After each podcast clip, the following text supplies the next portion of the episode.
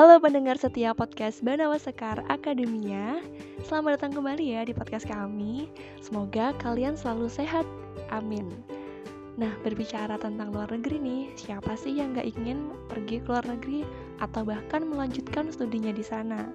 Atau kalian sengaja mengklik podcast ini karena kita akan bahas seputar PPI dunia. Hah, apa itu PPI dunia? Nah, buat kalian yang ingin tahu, simak baik-baik ya. Di sini kita akan bahas tentang sejarah dan apa saja yang ada di PPI dunia, kegiatan mereka, sampai gimana sih untuk connect dengan mereka, sosial, media, atau platform apa aja yang mereka gunakan. Oke, Perhimpunan Pelajar Indonesia Sedunia atau disingkat dengan PPI Dunia merupakan sebuah aliansi perhimpunan pelajar Indonesia di berbagai negara di seluruh dunia. PPI Dunia juga dijadikan sebagai wadah koordinasi dan mengkoordinir para pelajar Indonesia untuk meningkatkan sumber daya manusia bagi Indonesia. Sejarah terbentuknya PPI Dunia sendiri dilansir dari website resminya ppi.id cikal bakal PP Dunia itu berawal dari Konferensi Internasional Pelajar Indonesia atau KIPI yang diadakan di kampus University of New South Wales atau UNSW di Sydney, Australia tahun 2007. Secara umum nih, pembabakan sejarah terbentuknya PPI Dunia itu dibagi menjadi tiga.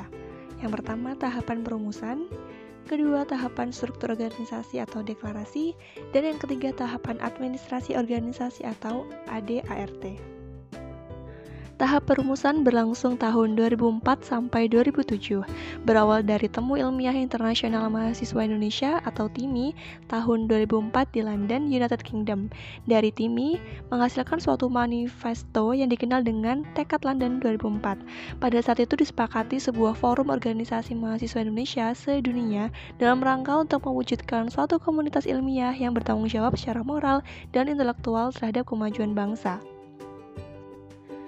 Sementara itu, tahun 2007 di Australia, PPI Australia mengadakan Konferensi Internasional Pelajar Indonesia atau KIPI dengan tema Membangun Daya Saing Bangsa, Pulang atau Mengabdi dari Jauh. Konferensi ini merupakan presentasi dari PPI Australia terkait makalah atau penelitian yang dilakukan terkait dengan tema.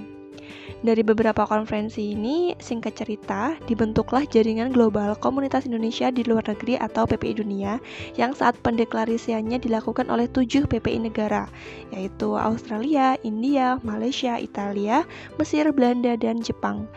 Kemudian PPI sedunia pada tanggal 9 September tahun 2007 dikukuhkan menjadi Overseas Indonesian Students Association Alliance atau OISA double A PPI Dunia kemudian membuat sebuah simposium yang merupakan permusyawaratan tertinggi dari aliansi PPI sedunia yang dikenal dengan Simposium Internasional atau SI.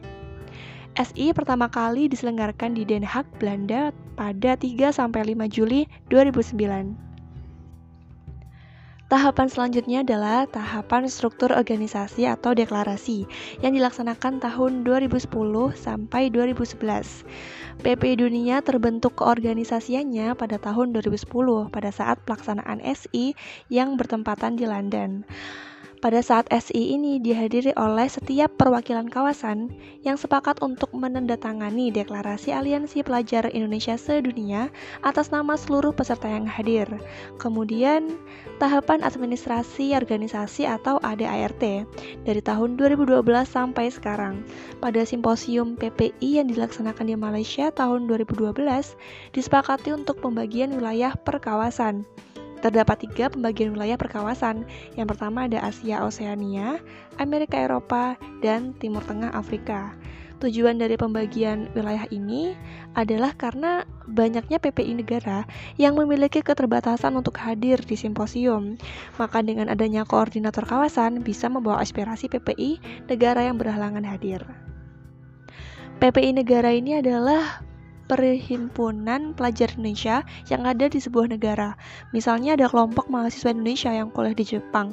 Nah, mereka berkumpul lalu membentuk namanya PPI Jepang. Jadi uh, pelajar Indonesia yang ada di Jepang Nah, itu namanya PPI Jepang. Kemudian ada juga PPI di negara lain, kayak misalnya PPI Cina, PPI Australia, PPI uh, Tiongkok, California, nah Turki, Mesir itu semua PPI negara itu berkumpul menjadi satu menjadi PPI dunia. PPI dunia sendiri juga mengkelompokkan uh, menjadi tiga kawasan yang sudah aku sebutkan tadi. For your information nih, kawasan Amerika Eropa atau AMEROP merupakan PPI kawasan dengan jumlah mahasiswa terbesar di PPI dunia, yaitu sekitar 15.000 mahasiswa yang tersebar di 27 PPI negara.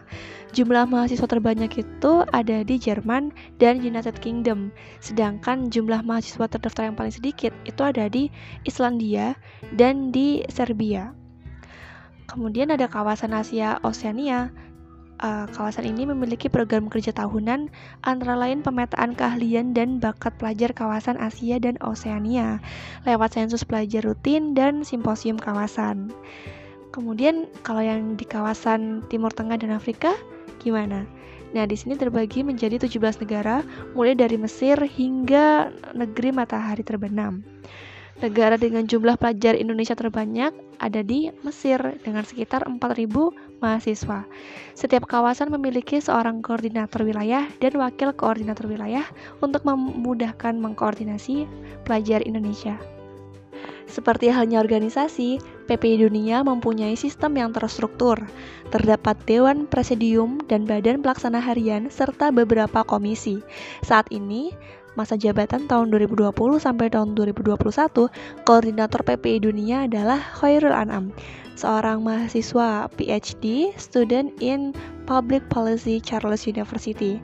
Dengan komisi yang dimilikinya ada Direktorat Komunikasi dan Informasi, Direktorat Penelitian dan Kajian, Direktorat Pengembangan Sumber Daya Manusia, Direktorat Pergerakan dan Pengabdian Masyarakat, Direktorat Festival Luar Negeri, Direktorat Pengembangan Inovasi, Bisnis dan Kemitraan, dan Direktorat SPI, Hukum dan Kelembagaan. Selain mengadakan simposium internasional dan program kerja di setiap direktorat, PP Dunia juga aktif loh dalam berbagai macam platform, contohnya YouTube. PPI Dunia Channel atau PPI TV sebagai platform informasi visual bagi seluruh pelajar Indonesia di dunia. PPI TV mempunyai program atau konten di antaranya langkah-langkah kuliah di luar negeri, tanya jawab seputar perkuliahan dan kehidupan di luar negeri, cerita unik dari para PPI dan mengulik tokoh masyarakat, serta beberapa video unik lainnya. PPI juga mempunyai radio yang bisa dicek di website radioppi.dunia.org. Nah, di sini di Radio PPI Dunia itu didasarkan pada tiga subjek utama, yaitu edukasi, informasi, dan hiburan. PPI Dunia juga memiliki official account di sosial media, ada Instagram di @ppi_dunia, ada Facebook ppi_dunia.oisa double A, dan di Twitter di @oisa o i s a a. Nah, PP Dunia terus bergerak menjadi sebuah aliansi yang memberikan kontribusi untuk Indonesia di bidang pendidikan, penelitian, dan pengabdian masyarakat. PP Dunia juga sangat aktif di media sosial hingga saat ini. Bahkan mereka memiliki program lain seperti mengadakan webinar hingga melakukan live streaming di media sosial itu, terutama di Instagram yang saya ikuti. Nah, kalian juga bisa banget untuk mengetahui informasi lebih lanjut atau kalian ingin mengklik link yang berhubungan dengan negara yang ingin kalian tuju di website ppi.id. Semoga bermanfaat.